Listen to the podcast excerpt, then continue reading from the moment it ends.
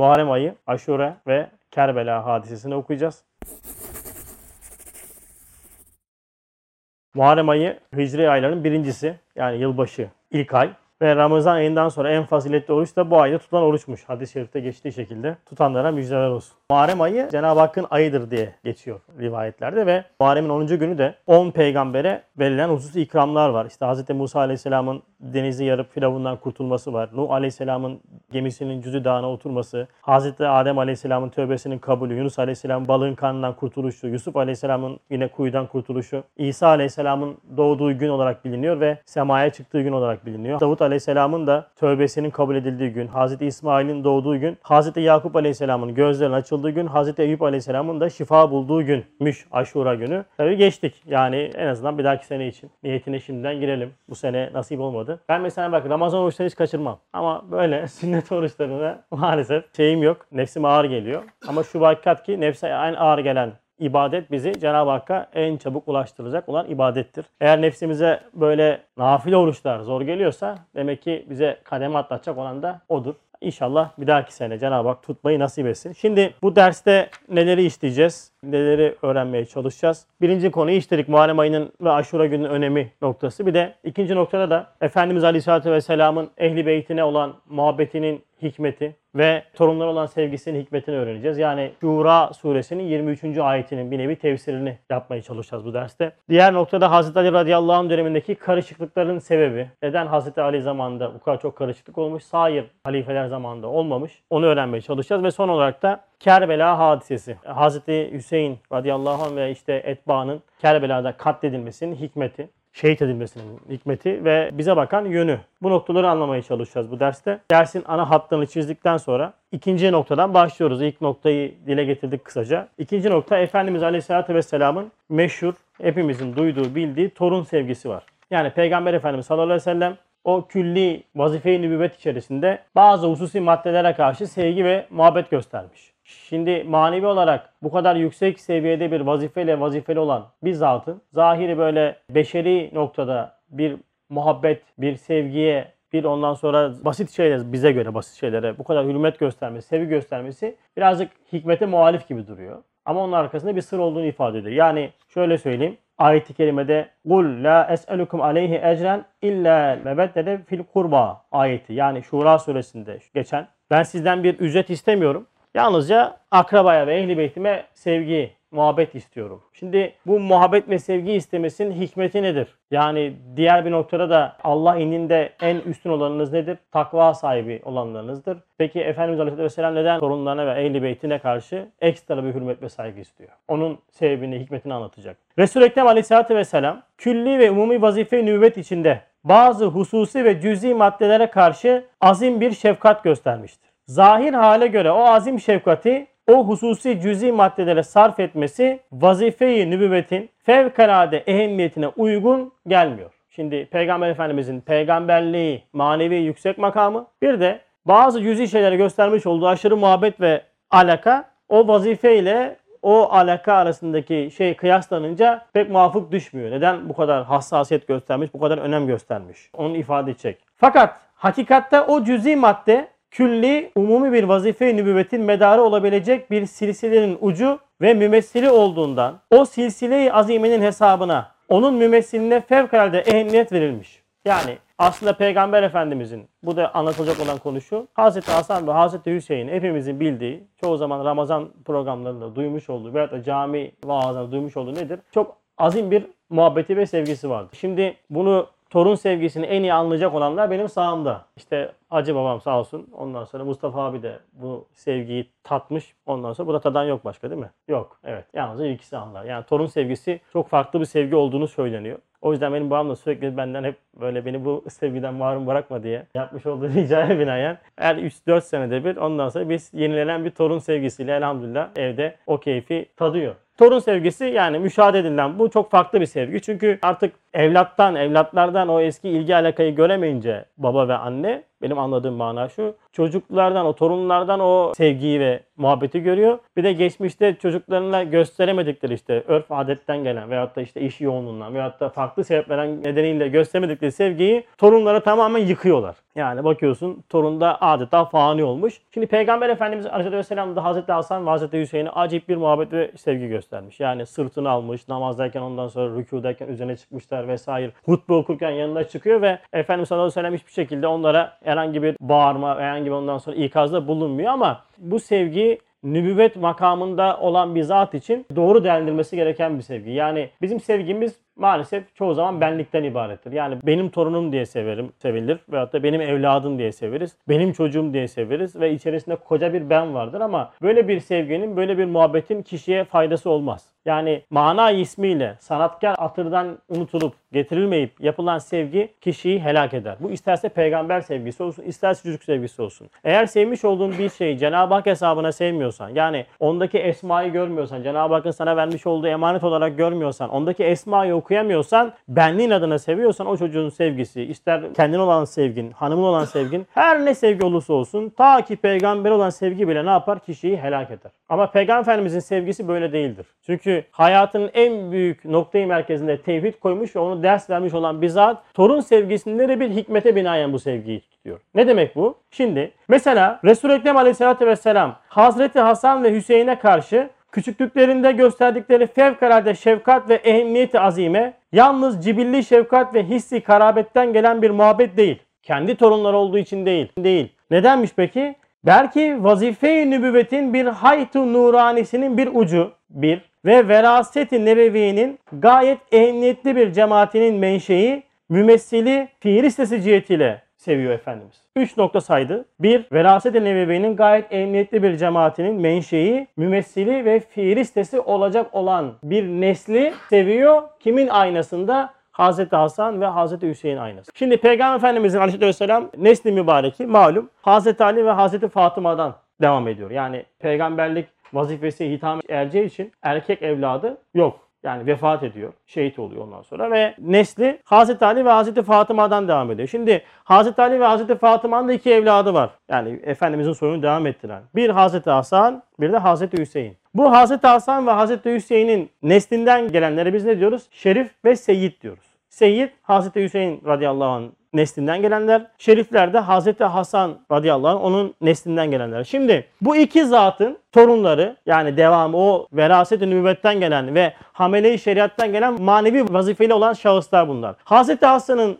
nesli genelde kutup, gavs yani tasavvuf yoluyla manevi kemalatta terakki etmiş kişiler isim geliyor. Yani o neslin devamı mesela en zirve ismi kimdir dersek Hazreti Gavs-ı Azam'dır. Gavs-ı Azam, Abdülkadir Geylani Hazretleri'nin nesli Hazreti Hasan'a dayanır. Hazreti Hüseyin radıyallahu anh'ın da seyitler silsilesi de bu silsilede genelde dinin imamları olmuş. Yani bu imam derken bildiğimiz cami imamından bahsetmiyoruz. Yani ümmete önderlik yapacak, rehberlik yapacak, tabiri caizse müştehitlik yapacak, yol gösterecek imamlar olmuşlar. Mesela bunların bir simge ismi kimdir? Zeynel Abidin'dir. Mesela diyecek yine Caferi Sadık'tır. Şimdi bu iki noktada, bu iki zatın silsilesini yani o hayatında işte akrabalık cihetiyle birbirine bağlı olan bu iki zatın torunları o silsile iki noktada dini hizmet yapmışlar. Birisi nedir? Veraset-i nübüvvet. Çünkü peygamberlik bitti. Peygamberlik bittiği için Hatemül Enbiya'dır Efendimiz sallallahu aleyhi ve sellem. Peygamberlik bittiği için tebliğ olarak peygamberlik yolunda tebliğ vazifesi bitmiştir. Ama insanları irşad etme vazifesi devam etmiyor mu? Devam ediyor. Peki bu irşad vazifesini kim devralıyor?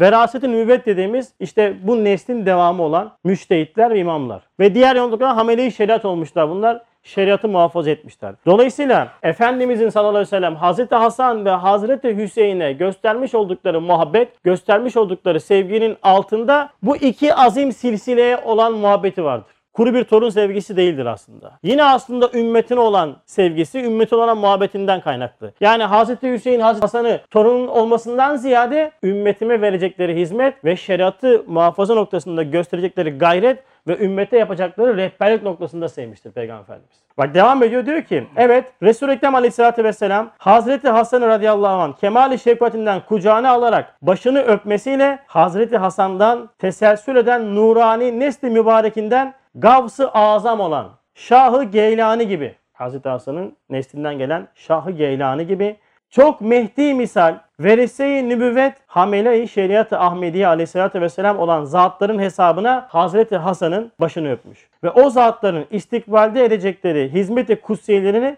nazar-ı nübüvvette görüp takdir ve istihsan etmiş, takdir ve teşvike alamet olarak Hazreti Hasan'ın başını öpmüş. Bakın Hazreti Gavs-ı Azam Hay ismine azami bir aynadarlığı vardır. Kendisi vefat etmiş olmasına rağmen hala hayattaki gibi nedir? Tasarrufatı devam eder. Öyle acayip bir mübarek zat yani. Şimdi düşünün siz yapmış olduğu hizmete bakın. Kendi bulunduğu zamanda 90 yıl diyor değil mi? Manevi terakki içinde. Sürekli terakki etmiş. Böyle bir zat. Vefat ediyor. Vefat etmesine rağmen hayatta gibi tasarruf edebiliyor. Ha esması öyle mahsaliyeti var ki işte müritlerinin ve ondan sonra imdatlarına ismi hayyın tecellisiyle ne yapıyor? Koşabiliyor, yardım edebiliyor. Şimdi bunu adam anlamıyor. Çünkü adamın hayat mertebesi, hayat algısı yemek, içmek, uyumak, yatmaktır. Ve mesela Vehhabi kafalılar bunu kesinlikle kabul etmez. Üstad o yüzden buna çok ciddi bir eleştiri yağmuru tutarlar. Neden tutarlar? İşte Üstad e, küçüklüğünde cevizim kaybolduğu zaman ya Gavs yardım dermiş. O ne zaman böyle desem o cevizlerimi bulurum diyor. Vay efendim işte Gavs'tan yardım mı istenir? Adam ölmüş gitmiş. Şimdi ama birinci mektupta çok enteresan bir soru var. Diyor ki Hızır ve İlyas Aleyhisselam hayatta mıdır? Hayattaysa diyor neden mühim ulema hayatlarını kabul etmiyorlar? Üstad diyor ki evet hayattadır. Net cevap. Fakat meratib hayat 5'tir. Onlar kaçıncı tabakada? İkinci mertebededir. Evet. Üçte İsa Aleyhisselam var. Ne oldu? Demek ki öğrenememişiz. Olsun. Risale-i Nur bilgi kitabı değildir. Eğitim kitabıdır. Bir daha eğitmek için bize Cenab-ı Hak kapı açmış. Bilseydik ukala alabilirdik. O yüzden sıkıntı yok. Şimdi bir alim düşünün siz ve bu mühim alim dediği sınıf içerisinde abiler gerçekten de çok mühim alimler var. Bak çok mühim alimler var ve bunlar demişler ki hayır Hızır Aleyhisselam diye birisi yoktur. İlyas Aleyhisselam da vefat etmiştir. Hayat tabakası dedi işte bulunduğu hayatı tanımlama noktasında demişler bunların hayatları yok şu anda.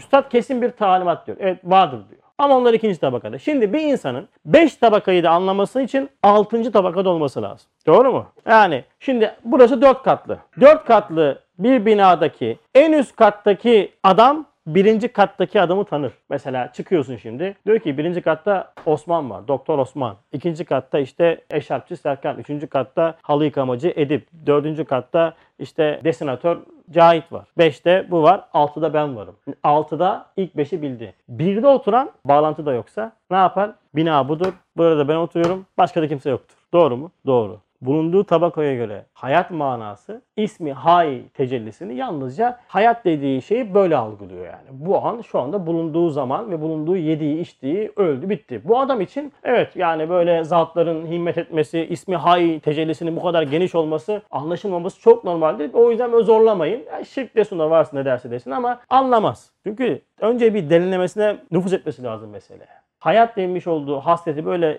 cismani hayat olarak algılayan bir adama sen hay tecellisini böyle azami tecellisi falan dediğin anda zaten hay may der ne der sen ne diyorsun der. Contayı da yakar fazla ellemeyeceksin. Diyeceksin kardeşim Allah mübarek etsin. Sen öyle bil ama Hazreti Hasan olan muhabbetin altında Gavs-ı Azam'a olan muhabbet var.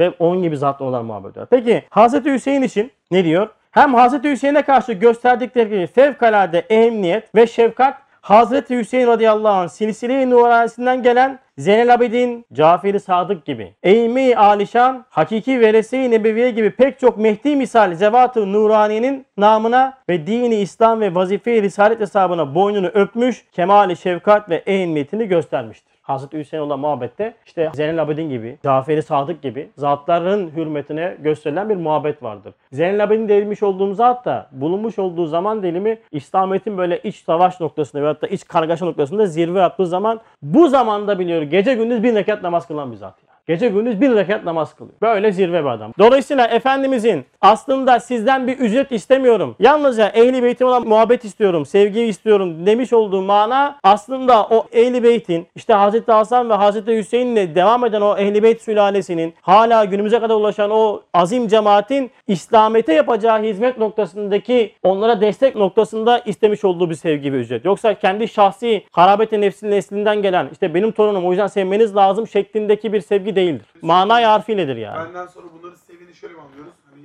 benden sonra onlar geliyor. Onlar geliyor çünkü onlar o, o davayı sırtlamışlar. E bugün işte Üstad Bediüzzaman Hazretleri babası Hasani, annesi Hüseyini olarak bilinir. İşte Şah Nakşibend Hazretleri bugün Nakşi tarikatının başı yine bu silsileye dayanır. Mevlana Hazretleri buna, Mevlana Celaleddin Rumi buna, Mevlana Bağdadi Hazretleri bu zatın sülalesi. Yani bütün aktaplar, kutuplar, imamların hepsi bütün o mübarek şahısların silsilesinden gelir. Dolayısıyla bugün İslamiyet davasını kimler sırtlamışlar? Bunlar sırtlamışlar. Biz ne yapıyoruz? Bu zatların sırtlamış olduğu davayı devam ettirmeye çalışıyoruz. Doğru mu? Yine başka bir mana var. Eğer bugün biz hangi silsile içerisinde, hangi cemaat veya da tarikat içerisindeysen, tabi ehl sünnet veya cemaat itikadında bir tarikattan bahsediyorum. Mesela İsmail Ağa cemaatine mensubiyetin var. İşte Mahmut Efendi Hazretlerinden peşinden gidiyorsun. O zat da Şah-ı Nakşibend'e bağlı. Evet sen de eğer bu İslam davasına sahip çıkıyorsan, gönül veriyorsan, destek veriyorsan sen de manevi ehli beyttensin. Çünkü vazifen nedir? Veraset-i nübüvvet. Tebliğ yapıyorsun. İnsanların değil mi manevi ihtiyaçlarını karşılıyorsun. Diğer nokta ameli şeriatsın. Şeriatı muhafaza etmek için uğraşıyorsun. Sen de manevi ehli beytten sayılabilirsin. Üstad gidiyor Risale-i talebeleri manevi ehli beyttendir diyor. Ne büyük makam yani elhamdülillah. Allah daim etsin ya ama o ciddiyette olmamız lazım. Arada o ciddiyet maalesef o hassasiyetimiz ne oluyor gidiyor. Şimdi geldik üçüncü kısma. Hazreti Ali radıyallahu anh, Hazreti Hasan ve Hazreti Hüseyin'in nesil babası ve dördüncü halife. Fakat halifelik devrinde daha önceki üç halifeye nazaran böyle çok durağan veyahut da dışa açık böyle savaş değil de daha çok iç meselelerle uğraşılmış ve kargaşa var. Neden Hazreti Ali gibi bir zatın fevkalade harikulade zekası, yüksek liyakatına beraber seleflere nispeten yani Hazreti Osman, Hazreti Ömer ve Hazreti Ebu Bekir radıyallahu anh'a oranla neden ondan sonra muvaffakiyetsizliği var? Hazreti Ali hakkında çok azim ondan sonra tepşiratlar var, hadisler var. Çok büyük hadisler var gerçekten de. Efendimiz sallallahu aleyhi ve sellem de Hazreti Ali'nin belki ümmet içerisinde yaşayacağı bu sıkıntıları bildiği için onu ne yapmış? Sürekli nazara vermiş. Sürekli müjde olarak bahsetmiş ve onu övmüş. Ondan sonra gerçekten de çok böyle büyük hadisler var. Büyük tepşiratlar var. Fakat bu mana kaçırılınca bu mana kişilerde artık Hazreti Ali'nin muhabbeti farklı boyutlara gitmesine sebebiyet vermiş. Yani öyle hal olmuş ki işte Hazreti Ali, Hazreti Ebu Bekir ve Hazreti Ömer'in önündeydi. Olması lazımdı fakat onlar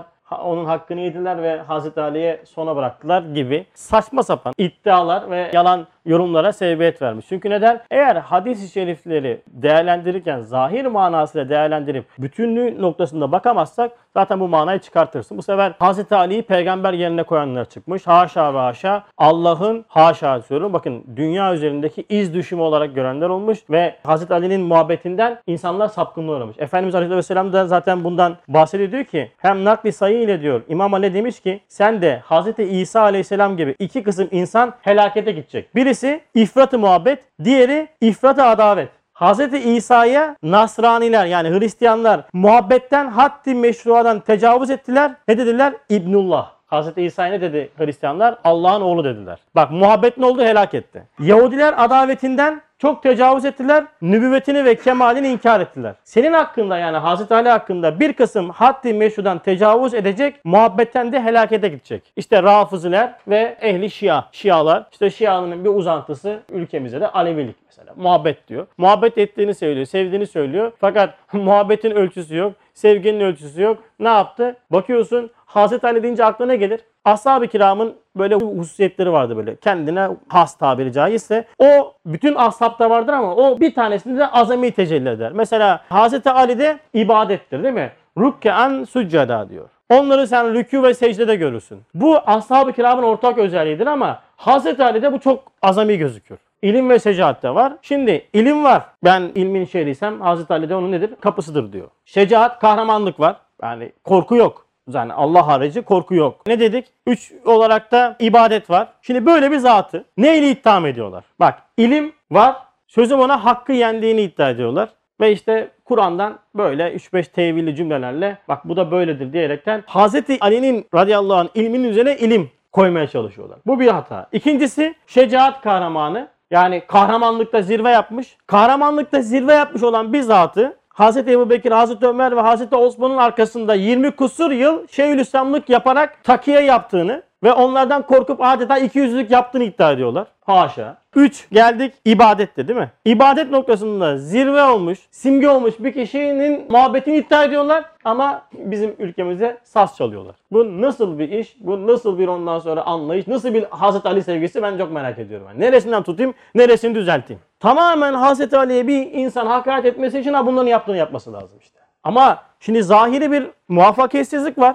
Bakıyorsun ümmet o zaman o zamanda gerçekten de bir karışıklık içerisinde. Neden peki? O mübarek zat siyaset ve saltanattan ziyade daha çok mühim başka vazifelere layıktı. Şimdi Cenab-ı Hak herkese bir ne yapıyor? Vazife veriyor. O vazifeli muvazzaf. Hazreti Ali'nin vazifesi siyasette muvaffak olmak değildi. Neydi peki? Daha çok manevi saltanattı. O silsilenin devamı oradan geleceği için Cenab-ı Hak manevi saltanata hazırladı onu. Eğer tam muvaffakiyeti siyasiye ve tam saltanat olsaydı şahı velayet ünvanı manidarını bir hakkın kazanamayacaktı. Eğer gerçekten de tam muvaffakiyet sahibi olsaydı şahı velayet dediğimiz o manevi makamı tam olarak elde edemeyecek, kazanamayacaktı. Halbuki zahiri ve siyasi hilafetin pek çok fevkinde manevi bir saltanat kazandı. Üstadı kül hükmüne geçti. Hatta kıyamete kadar saltanatı manevisi baki kaldı. Yani demek ki dünya saltanatı ile ahiret saltanatı aynı anda gitmiyormuş. Zormuş. Demek ki bize ne ölçü veriyor? Kardeşim ahireti kazanmak istiyor musun? Biraz dünyadan fedakarlık yapacaksın.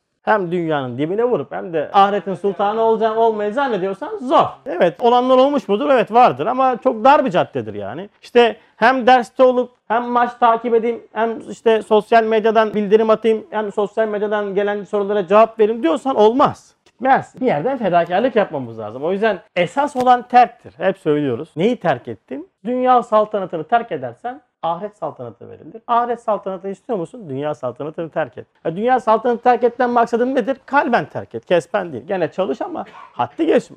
İkisi bir arada yürümeyecek. Çünkü böyle bir yol yok. Olaydı biz de girerdik ya. Üstad yol çizmiş. Evet o da lazım ama lazım lazım diye de lazımlık olduk. O da ayrı bir şey. Yani. Lazım lazım lazım olduk lazımlık yani. Öyle yani manen kendi çöküntümüzü hazırlıyoruz ve işte bu sefer o bizim de istizatlarımıza konulmuş olan bazı açılımlar açılmayınca da bu sefer o açılmayanlar bizde sıkıntı oluşturmaya başlıyor. Ruhi ve kalbi sıkıntılarımızın nedeni odur. Yani verilen bir paye var 100. Senin ortaya çıkardığın var 20. 100 eksi 20 eşittir 80. 80 ne olur? Sana sıkıntı olarak hani yol, su, hava olarak geri döner ya. Sana sıkıntı olarak geri dönmeye başlıyor. Evet. Demek ki Hazreti Ali'nin işin özü bu. Yani eğer hakikatle meşgul olamazsak kışırla uğraştırırlar. Gerçekten İslamiyet tarihinde çok kışır mevzu bu yani. Kabuk. Bunu hiç Bununla uğraşılacak mevzu bile değil ama bununla uğraştırıp hakikatten uzaklaştırıyorlar. Hakikatten uzaklaşınca bu sefer uğraşmış olduğun kabuk seni de kabuklaştırmaya başlıyor. Dikkat etmek lazım. Hatta geçmişte ashab-ı kiramın yaşamış olduğu bu tür hadiselerle işte savaşların hikmeti vesaire bilmem ne herkesin ehil mesela vazifeli olanlar veyahut da bu eğitim alanlar haricinde insanların uğraşmasına gerek yok. Çünkü öyle hadiseler ki bunlar iki tarafta da cennetle müjdelenmiş kişiler var ya. Birine bir şey desen diğeri zaten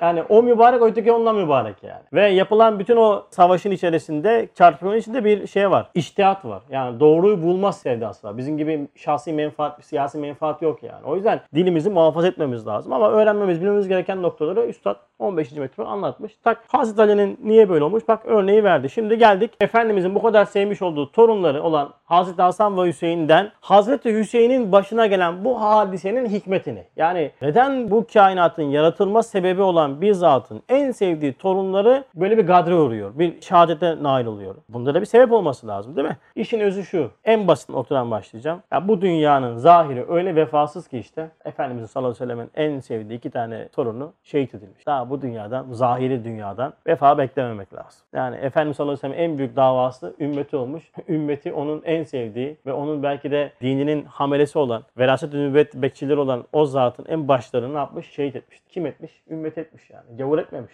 Hristiyan yapmamış. Yahudi yapmamış yani. Ümmeti, kendi ümmeti yani. Ne için? Saltanat için, ne için? Vesaire vesaire için. O yüzden canımızı yakanlar olabilir. Böyle en yakınlarımızdan darbe yiyebiliriz. Hep aklımıza bu noktalar gelecek. Bu dünya Efendimiz'e bile fazlalık yapılmış yani sana bana zaten hakkımızdır. Evet o mübarek zatların başına gelen o feci gaddarane muamelenin hikmeti nedir diyorsun. Hikmeti. Onu öğrenmemiz lazım. Eğer hikmetini öğrenirsek ders alırız. Çünkü zamandan ders almamız lazım. Geçmiş içi dolu bir bilgidir. Sen geçmişte ben geçmişte yaşadığım her hadiseden almam gereken öğrenimi, dersi alamazsam gelecekte aynı imtihanlarla farklı figüranlarla karşılaşıp ne yapacağım? Yine imtihan edileceğim. Evet hata yaptım ama ben şunu öğrendim. Evet ben hata yaptım ama ben bunu öğrendim. Ha, bundan bunu çıkardım ama kaybettim olsun. Bu kayıp değildir. Aslında bir kazanımdır. Bir şeyler aldın. Evet hata yaptıysan da tövbe edersin, özür dilersin. Kemalat insani bunu gerektirir. Dersin ki tamam önümdeki maçlara bakacağım artık ben. Evet yaptık oldu. Vücuda çıktı. Ama öğrendim. Ne öğrendim? Ben bunu böyle yapmam lazım. Bunu böyle yapmam lazım dedin. Maalesef bunu yapamıyoruz.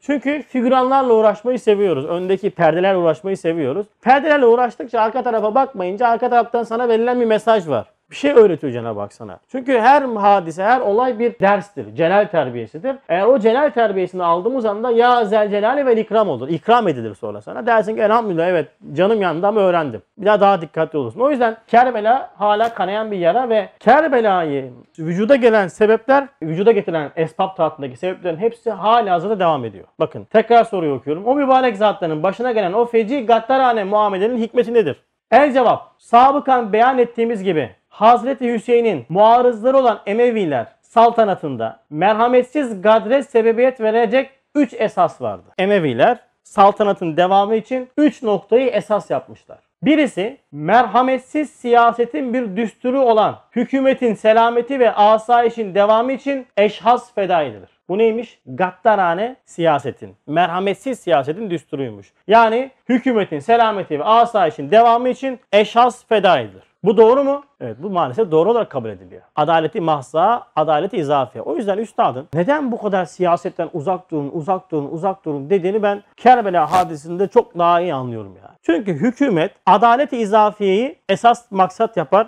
tatbik edebilir. Ne demek adalet izafiye? Adaleti mahsa, adaleti izafiye. Adaleti izafiye küllün selameti için cüz feda edilir. Adaleti mahsa kesinlikle feda edilmez. Bir hak haktır, küçüğüne büyüğüne bakılmaz. Şöyle bir örnek vereceğim. Şimdi burada hepiniz zararlı insanlarsınız. Baha abi mübarek. Adalet izafede ne vardı biliyor musun? Baha abinin hakkına bakılmaz. Kardeşim bu kadar adam gitmesi lazım. Vur gitsin. Adaleti mahsada Baha abinin hakkı varsa kardeşim sen burada adamları öldüremezsin. Ne yapacaksın? Onu kurtaracaksın. Ha derse Baha abi ya benim canım feda olsun. Bu kadar zararlı insan da kurtulur toplumdan en azından. Ben de kendimi feda ediyorum derse o zaman alırsın. Der demez ama derse olur. Ama demedi o zaman dokunamaz. Ya falancaların hepsi böyle diyemez. Ya hükümet der, hükümet der, hükümeti bağlar. Seni bağlamaz. Eğer sen oh iyi olmuş dedin mi oradaki bütün zulme ortak olursun. Ve maalesef şu anda siyasetle ne kadar çok alakadarlık varsa taraf değil de taraftar olduğumuz nispetinde bugün bu günahlara girme ihtimali çok fazla. Ayetti ya çok ayet. En çok Risale'de geçen ayetlerden bir tanesi وَلَا تَزُرُوا وَازِلَةٌ vizra uhra. Çok geçer. Çok geçer. Belki Risale'de en çok geçen ayetlerden bir tanesi budur. Ne demek manası Edip abi?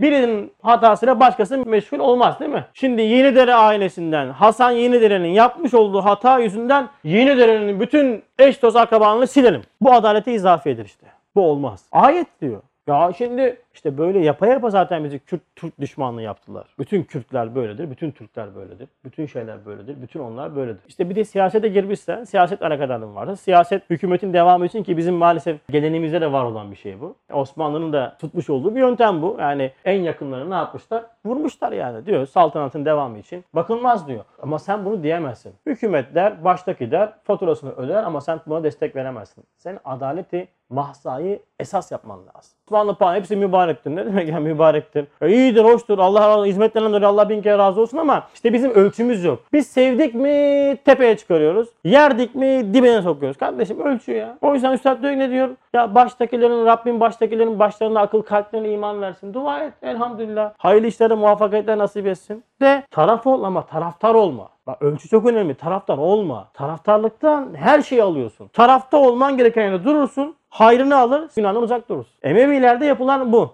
Merhametsiz siyaset. İkinci madde. Onların saltanatı unsuriyetle milliyete istinat ettiği için milliyetin gaddarane bir düsturu olan milletin selameti için her şey feda edilir. İşte menfi milliyetçiliğin tohumu bu. Normalde İslam'da vardır? Menfi milliyetçilik yoktur. Ne vardır? Ümmetçilik vardır. La ilahe illallah Muhammeden Resulullah diyen ümmettir. Ümmetin Lazı Türk'ü Çerkez hiç fark etmez. Hiçbir üstünlüğü yoktur. Üstünlük Allah katındadır. Takvadadır. Zaten kimsenin de takvası ve Allah katındaki değeri üzerinde yazmadığı için her Müslümana düşen nedir? Karşıdakini kendinden üstün görmektir. Şimdi Gürsel abinin ne kadar mübarek olduğu bir tarafında yazıyor mu? Yazmıyor çünkü mübarek değil desem olmaz tabii. Mübarek adam da üzerinde yazmıyor. Ben de Gürsel abiye ne yapmam lazım? Allah katında bellidir. Ya Gürsel benden mübarek ya ben kendim zaten nefsi emaret yaşıyorum. Hatta kusur baştan aşağı bu vardır. Benim Gürsel abi kendinden mübarek görüyorum. Bak herkes bu İslam anlayışıyla yaşasa Zaten ortada üstünlük şeyi kalmayacak. Ama ne yapmışlar? Şırıngalamışlar menfi milliyeti. Türk'üm doğruyum çalışkanım. Kürdüm işte doğruyum çalışkanım. Lazım en büyük benim. İşte oyum buyum derken hop ayırmışlar. Yani Avrupa'nın içimize atmış olduğu diyor üstad en büyük fitne tohumudur. Menfi milliyetçilik bak. Bak milliyetçilik ayrıdır, menfi milliyetçilik ayrıdır. Vatanını sevebilirsin, ülkeni sevebilirsin ama bunu menfi olarak yapamazsın. Üstünlük olarak tutamazsın. Ama buna kölmüşlük de dahil mi? Tabii ki. Zaten İslamiyet diyor cahiliyetten kalma ırkçılık ve kabileciliği ortadan kaldırmıştır. Müslüman olduktan sonra Habeşli bir köle, Kureyşli bir efendi arasında fark yoktur diyor ya. Hadis. Böyle gör. İnnemel mümine ihvatun ayetini okuyoruz. Her mümin kardeştir. Camide yan yana geldiğimiz adamın arkasından sövüp sayıyoruz yani. Kürtler böyle, Türkler böyle, Lazlar böyle, Çerkezler böyle. Şimdi nasıl bu iş bu ya? Ya cami hocası, cami hocası ya. Deli oluyorum. Barını görünce aklıma geliyor. Ben diyor doğudaki vatandaşlardan hoşlaşmıyorum ya. Ne diyeyim ben sana ya? Sen ne anlatıyorsun? Bir de Kur'an öğretiyorsun sen ya. Sen ayete iman etmemişsin bir kere ya. Sen neyin öğretiyorsun? Ne yapıyorsun? Enteresan ya böyle. Çok acayip bir şey ya. Nasıl girmiş aramıza ve bunu ehli ilim insanlar yapıyor ya. Cahil yapsa tam cahil dersin. Hoca çok dehşet bir şey. Üçüncüsü Emevilerin Haşimilere karşı ananesindeki rekabet damarı Yezid gibi bazılarda bulunduğu için şefkatsiz bir kabiliyet gösterdi. Şimdi Emeviler ve Haşimiler soyu yani Mekke'den Efendimiz Aleyhisselatü Vesselam dedesiyle bu Emevilerin dedesi amca oğulları. Ve dolayısıyla Efendimizin nesli mübareki evvelden de o kadar mübarek ki yani dedesinin dedesi e, zamanında işte Kabe'nin etrafını düzenleyen işte gelen insanlara su dağıtan, yemek dağıtan vazifeli bir zat yani. Ve bu ikisi arasında Emevilerin dedesiyle arasında bir nifak çıkıyor. Bu tabi gitgide nesil büyüyünce e, artık vazife paylaşımına gidecekler ve vazife noktasında Emevilerin dedesi ismini bilmediğim için şimdi öyle ifade ediyorum. Diyorlar ki ikisi diyorlar ki ben alacağım ben alacağım ve gidiyorlar bir kaine diyorlar ki kain hakem olsun. O kain de diyor ki evvel ve ahir en üstünü diyor işte Abdülmuttalip'tir diyor misal. Ve Kureyşlerde kalıyor vazifeler. Oradan gelen o rekabet damarı Yezid'le beraber artık zirve yapıyor ve artık Yezid Kureyşlere karşı olan kinini Hazreti Hüseyin'e karşı karşılık net olarak gösteriyor. Demek ki haset ne yapıyormuş? Fıtratı bozuyormuş. Çünkü hasette ne vardır? Kaderi tenkit vardır. Allah niye ona veriyor? Niye ben değil de o? Ebu Cehil'de ne vardı? Haset vardı. Tamam peygamberlik geldi ama neden ümmi, yetim olana geldi? Neden ben değil? Veyahut da şu şu değil de o. İbliste ne vardı? Haset vardı. Neden Adem? İyi de neden o? Neden ben değil? Bakın haset günahların atasıdır. Allah muhafaza etsin. Dördüncü sebep, şimdi burası çok önemli. İlk üçünü saydı. Menfi milliyetçilik ve işte siyasetin gaddarane tavrı. Üçüncü olarak da Emevilerin Haşimiler olan hırsı ve rekabet damarı. Dördüncü sebep şimdi mesele biraz daha enfüse iniyor. Hazreti Hüseyin'in taraftarlarında bulunuyordu ki Emevilerin Arap milliyetini esas tutup sair milletlerin efradında memalik tabir ederek köle nazarıyla bakmaları gurur milliyeleri kırılmaları yüzünden Mileli Saire Hazreti Hüseyin'in cemaatine intikamkerane ve müşevveş bir niyetle iltihak ettiklerinden. Ee, şimdi ilk 3 hariçteydi. Şimdi kurt bir de gövdenin içine girmiş. Hazreti Hüseyin'in radıyallahu anh cemaatin içerisinde Emevilere karşı müşevveş hissiyat besleyen varmış. Neden? Çünkü Emeviler milliyetçilik yaptığı için Hazreti Hüseyin'in taraftarları içerisinde Arap olmayan fakat Emevilerin yapmış olduğu Arapçılık yüzünden onlara kim besleyen, adavet besleyen, düşmanlık besleyenler Hazreti Hüseyin'in arkasına geçmiş, cemaatine dahil olmuş ve niyetleri rıza illah değil. Onların da niyetleri o hissiyatları, nefsane olan o ezikliklerini bastırmak ve dolayısıyla nefis hesabına çatışmakmış. Eğer intikam niyetine girmişsen derler önce kendi kuyunu kazacaksın. Eğer bir şeyi intikam niyetinde yapıyorsan önce kendi mezarını kaz. Hazreti Hüseyin gibi bak çok mübarek bir zatın etrafında bulunan mübarek neslinin, etbaanın o halis niyetini birkaç tane müşevveş niyetle atmış, bozmuş. Bu böyle işte. O yüzden cemaatte esas nedir? Hulus birliğidir, niyet birliğidir. Birlikte olmaktır. Eğer cemaatin içine girdin, o cemaat içerisinde olmanın amacı senin işte para kazanmak, bir yerlere gelmek, işte bir şeyler elde etmekse kendin bozuk niyetin cemaate de sirayet ediyor. Veyahut da bir iş yapılacak orada şahsi olan bir meseleni taşıyıp niyetini şahsa göre ayarlıyorsan cemaatin hissiyatını, cemaatin niyetini bozarsın. Çok enteresandır. Bak nefis devreye girdi mi anında frekans bozulur. O yüzden o niyeti sağlam tutmamız lazım. Hz. Hüseyin radıyallahu anh'ın cemaatin içine girmiş ve ne yapmış? Bak zarar vermiş. Ve belki şehadetine vesile olmuş yani. O yüzden niyet hep böyle temiz tutulmalı. Samimi olunmalı. Bize iki şey lazım. Bir samimiyet, bir de samimi niyet. Pazarlıkta olmaz. İkinci planlarla, üçüncü planlarla olmaz. Niyetin de eline geçecek de o olacak zaten. Evet şimdi dört tane madde saydı. Geldik beşe. Esas. Diğerlerinin hepsi perdenin önündeki figüranlardı. Hepsi rollerini oynadılar ama arkada büyük bir işleyici var. Karagöz Hacivat var ya böyle.